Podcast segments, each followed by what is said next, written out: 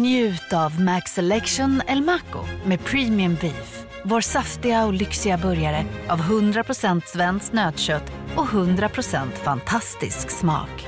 För ett ännu godare McDonalds. Hej, Susanne Axel här. När du gör som jag och listar dig på en av Krys vårdcentraler får du en fast läkarkontakt som kan din sjukdomshistoria. Du får träffa erfarna specialister, tillgång till lättakuten och så kan du chatta med vårdpersonalen. Så gör ditt viktigaste val idag, lista dig hos Kry.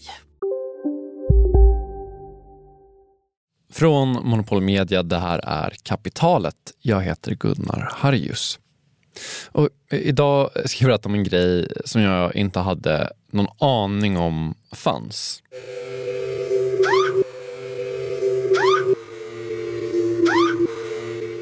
Efter 11 september-attackerna så invaderade USA Afghanistan. First strike against terrorism as a missile barrage lands on Afghanistan. U.S. Marines stormed into the Taliban-held town of Dahana in southern Helmand province. Målet var att avsätta al-Qaida slash talibanregimen och hitta Usama bin Laden. Det gick ju som bekant inte exakt som USA hade hoppats.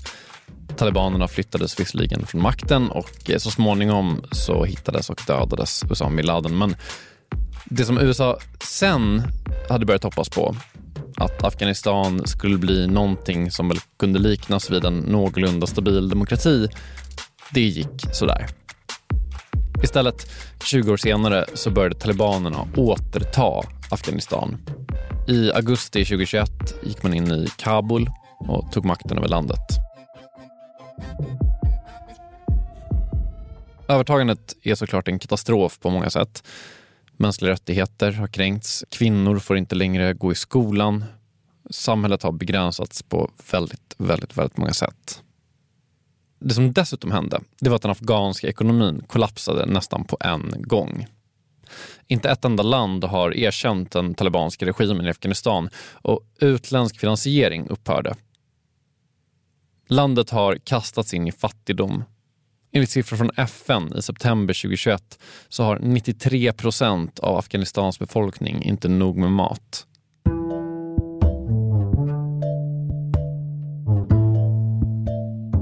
Men för att komma till det som det ska handla om idag.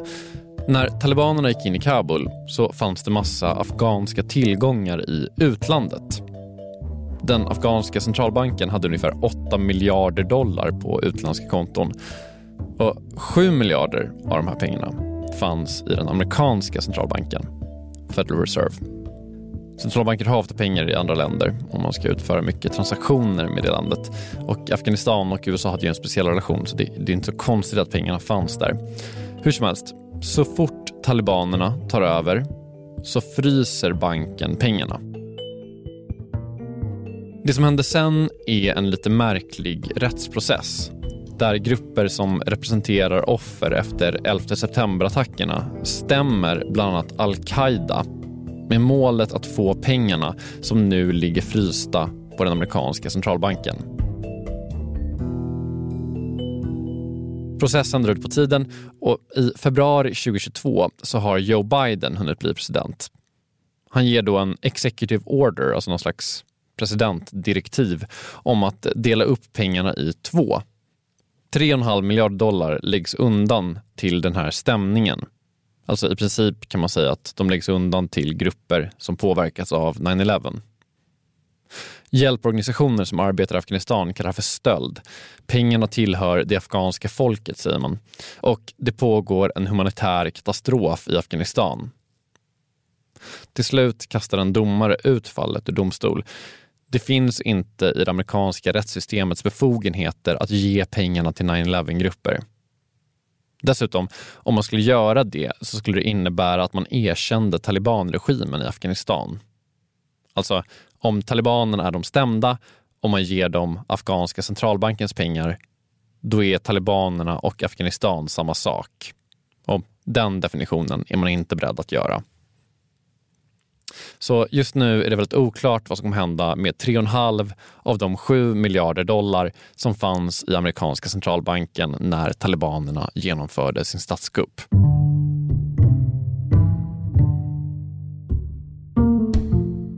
Men de andra 3,5 miljarderna, de hamnade, och det är det här som jag inte känner till, i Schweiz hos Andrea Dallolio.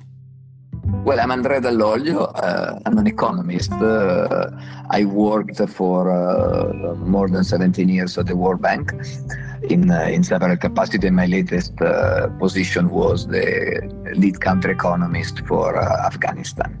And I happen to be the executive secretary of the Afghan Fund. Actually, the name of the, the fund is called the Fund for the Afghan People. Det som händer är att amerikanska utrikesdepartementet tillsammans med finansdepartementet, Schweiz, några andra internationella samarbetspartners och afghanska ekonomiska experter skapar en fond. Den heter The Fund of the Afghan People. I folkmund verkar man bara säga The Afghan Fund. Och det är, om jag får komma med en liten personlig bedömning, ett märkligt fenomen.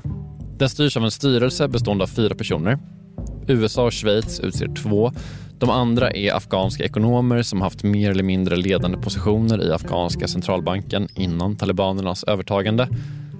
Så att för att summera, den afghanska centralbankens pengar har alltså frysts i USA, delats på hälften och skickats till en fond i Schweiz. Där de ska göra, ja, vad då? So what what do we do? I mean, if you ask me like, uh, what does the foundation do? Basically, the foundation has three objectives. Det första målet är att säkra pengarna. Basically att se till att ingen annan gör anspråk på dem. Inga nya 9-11-grupper som stämmer någon för att göra juridiskt anspråk på pengarna. Det är, vad jag förstår, lite oklart, men i princip därför som den här stiftelsen finns i Schweiz. De har tajta stiftelselagar, kan man ju tänka sig. Plus att Bank of International Settlements ligger där och förvarar pengarna åt fonden. Så det är det första. Sen är det andra målet också att behålla pengarna fast på ett annat sätt. Alltså se till att de inte devalveras eller liksom försvinner. Så att man investerar de här pengarna, får dem att växa. Det har man lyckats ganska bra med. På 11 månader har pengarna växt med 165 miljoner dollar. Så det är bra gjort. Men så finns det ett tredje mål. The third objective actually is the one that interestingly has attracted most of the attention of the of the media or the public, which is to perform targeted disbursement of these assets with the objective to support Afghanistan macroeconomic stability, the financial stability, and this one in turn to benefit uh, the Afghan people. Ljudet är lite off till och från här, sorry för det. Så bara för att förtydliga. De ska alltså göra targeted disbursements, alltså riktade utbetalningar för att stödja Afghanistans makroekonomiska och finansiella stabilitet för att gynna Afghanistans befolkning. Jag skulle kunna, om jag pushade det lite, inte mycket, men lite, kunna säga att the fund for the Afghan people lite ska utföra uppgifter som en centralbank brukar göra utan att vara centralbank. Så hur i hela fridens namn är man centralbank utan att vara centralbank efter det här?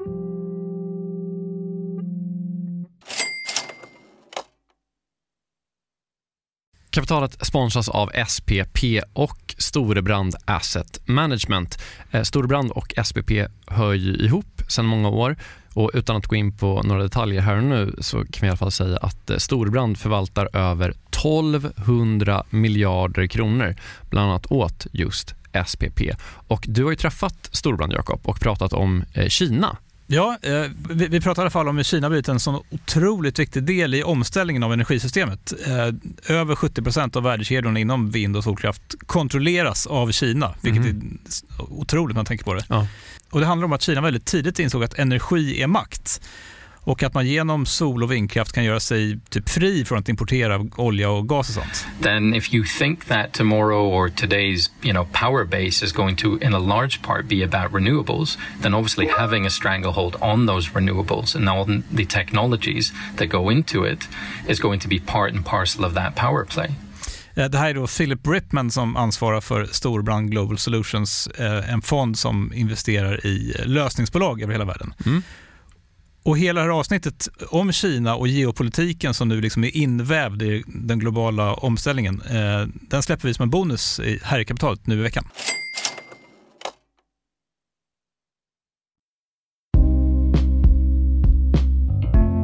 Den afghanska centralbanken hade ungefär 8 miljarder dollar, det finns lite olika siffror där ute, i utländska konton när talibanerna tog över Afghanistan. 3,5 miljard lades i en schweizisk stiftelse som heter Fund for the Afghan People. Och det den ska göra, bland annat, är att göra riktade utbetalningar för att stödja Afghanistans makroekonomiska och finansiella stabilitet. Jag ska säga direkt att det här inte är helt okontroversiellt. Det finns många som gjort anspråk på de här pengarna. Hjälporganisationer som menar att pengarna borde återinföras i Afghanistan omedelbart. Men det är inte det vi ska prata om idag. Utan ett ekonomiskt perspektiv som man kan ha och som vi kommer ha, det är väl hur ska man åstadkomma makroekonomisk och finansiell stabilitet genom att vara en schweizisk fond? Talespersoner för amerikanska myndigheter har också sagt att pengarna ska användas utan att gynna terrorister. Och, alltså, jag menar, det är actual talibaner som styr Afghanistan.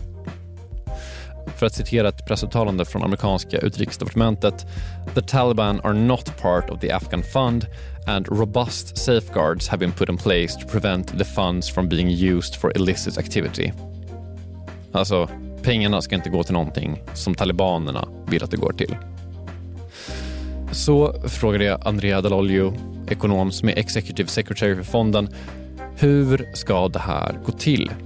Hur ska man använda pengarna för att uppnå finansiell stabilitet utan att talibanerna ska dra nytta av det? Och till att börja med så vill Andrea Dall'Olio, som alltså inte sitter i styrelsen och alltså inte aktivt bestämmer över vad som ska hända med pengarna, så behöver inte pengarna användas. Think about also where the you know where does this money come from? This money is the central bank asset.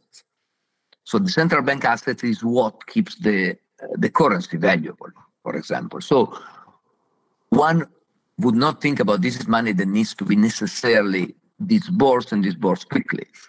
But there could be needs that uh, might need to be fulfilled and you might have you have a country where the central bank cannot fulfill all these uh, needs because again it doesn't have access to the to the foreign reserves. Så det är det ena, de behöver inte nödvändigtvis betalas ut. Och det andra det är att det ultimata såklart vore att bara ge tillbaka pengarna till afghanska centralbanken. Men det hänger på att omständigheterna ska vara rätt. Underförstått, det ska inte vara talibanstyre. This is actually for me the, the ultimate goal. Whether this one can happen and can happen soon, that's a different question. Men okej, rent hypotetiskt då. Hur skulle de här pengarna kunna användas? Hur gör man för att åstadkomma makroekonomisk stabilitet utan att vara en centralbank? Och alltså, bara för att vara väldigt tydlig här, det här är ett väldigt hypotetiskt exempel. You can have a situation in which the currency starts uh, fluctuating and the currency loses value. And that's where the central bank reserves sometimes are used. Because what does the central bank do? When uh, the, there is a, a sharp devaluation, the central bank intervenes, sells in the market foreign currency. But suppose that the need were to arise, suppose the Afghani were to immediately depreciate. The central bank has limited the reserve because most of the reserve were abroad. Could the Afghan fund decide to, for example, start selling dollars in the market so that to stabilize the country? That could be an example.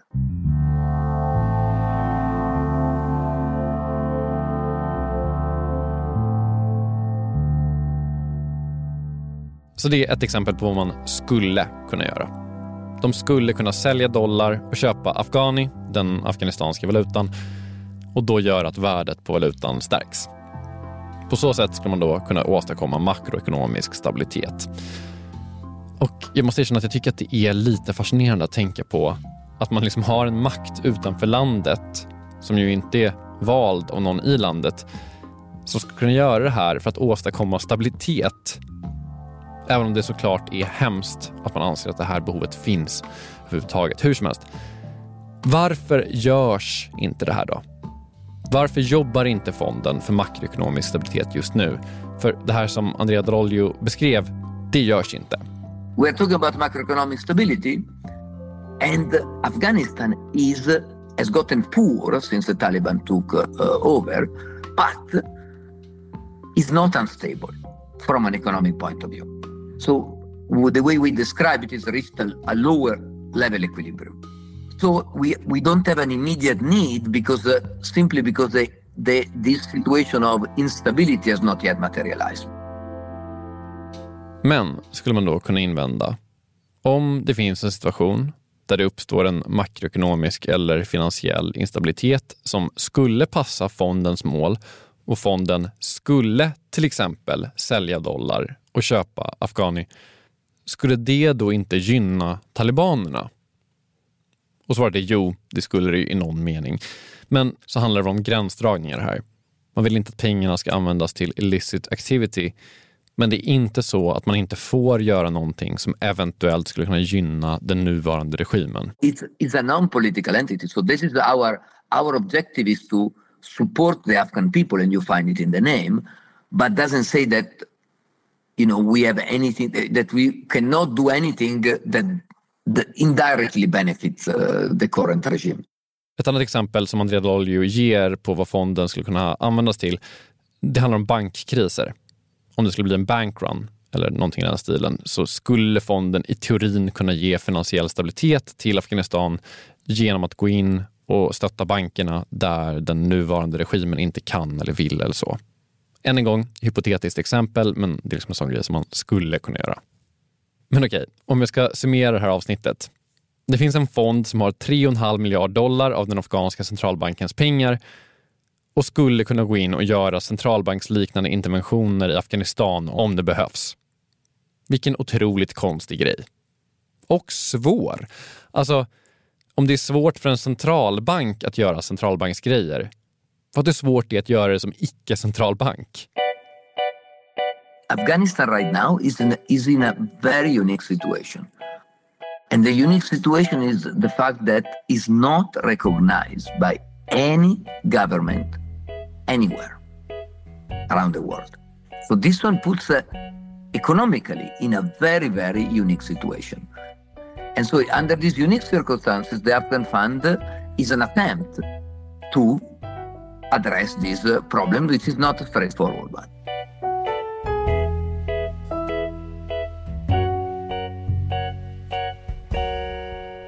Men eh, kanske, om det här funkar bra, så kan det här faktiskt bli modellen för hur frysta tillgångar hanteras i framtiden.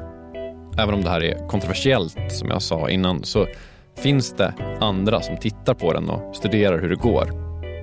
Och alltså, det som vore bäst för alla, såklart, det om man inte hade känt att man behövde ha en sån här lösning överhuvudtaget.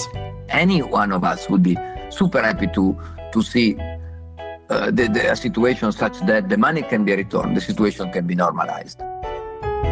Kapitalet är slut. Jag heter Gunnar Harjus, Kristoffer Krook har mixat. Kapitalet är tillbaka snart igen. Trevlig helg. Hej då!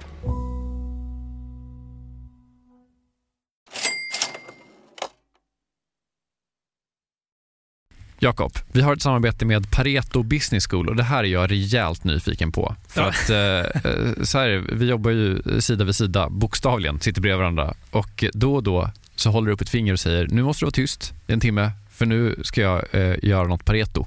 Exakt. Ja. Eh, jag gillar ju att lära mig nya saker, det gör ju många journalister. Eh, så den här våren går jag då en åtta veckor lång så kallad mini-MBA. Alltså jag hade gärna gått riktig MBA också, men, men ja, jag har inte tiden det kräver och, och framförallt ingen arbetsgivare som vill betala 800 000 för att låta mig göra det. Nej, eller kanske du har. Du är ju arbetsgivare. ja, snål, snål arbetsgivare. Mm. Eh, det är då Jens Bäckbom och Mattias Eklöf, två svenska entreprenörer som har skapat den här utbildningen just eftersom det finns ett gigantiskt hål mellan typ YouTube-filmer och en, en riktig MBA. Ja, och det här är då Pareto? Exakt, Pareto ja. MBA. Eh, Paretos utbildning kostar cirka 25 000 kronor och, och, under åtta veckor så lär man sig jättepraktiska och tillämpbara modeller för hur man startar, skalar upp, driver och säljer bolag. Eh, Jens och Mattias eh, de håller själva i många föreläsningar. De är garvade entreprenörer båda två. Mm. Och så man så olika gästföreläsare som kom in. Mm. Typ någon kille som, som, eh, var expansionschef på Spotify, någon som körde marknadsföring på Revolut, en kille som driver Sveriges största campingkedja, mm. som har varit med i kapitalet faktiskt, okay. Johan Sör. Ja. Ah, just det. Också varit en helt otrolig svensk eh, entreprenör som byggt massor med grejer i Vietnam. Alltså makalösa berättelser. Oh, wow. Eh, så den här kursen består av en blandning förinspelade moment och seminarier men man går också i då så kohorter tillsammans med andra deltagare från Sverige och utlandet. Jättenyttigt, eh, tidseffektivt och funkar jättebra för, för den som vill driva egen verksamhet som, som typ vi gör här. Eller om man typ driver projekt och affärer i större bolag. Wow. Om man är taggad på att eh, bli en del av den här, liksom, vad ska man säga, Jakob skolan om man vill bli som dig, lära sig lika mycket som, som du har lärt dig, vad, ja. vad gör man då? Eh, nästa kursstart är 5 april, så vill man ta ett kliv framåt i sin utveckling eller karriären eller så, gå då till arbetsgivaren och kolla om du inte kan gå den här utbildningen. Priset ligger alltså på 2500 euro, men ni får 10 rabatt om ni anger Monopol Media som referens när ni eh, gör er anmälan. Mm. Eh, man kan också gå in på paretoschool.com för att eh, läsa mer och ja, se lite smakprover från själva utbildningen. Då. Mm. Så att eh, man sparar jättemycket pengar i för att gå Handels MBA och man sparar ytterligare pengar om man tar del av eh, Monopol Media-erbjudandet. Ja, exakt. Ja, en no-brainer som vanligt. Mm. Plus att man blir ju eh, alumnkollega med mig då. Verkligen. Så stort, stort tack till eh, Pareto Business School och eh, gå in på paretoschool.com.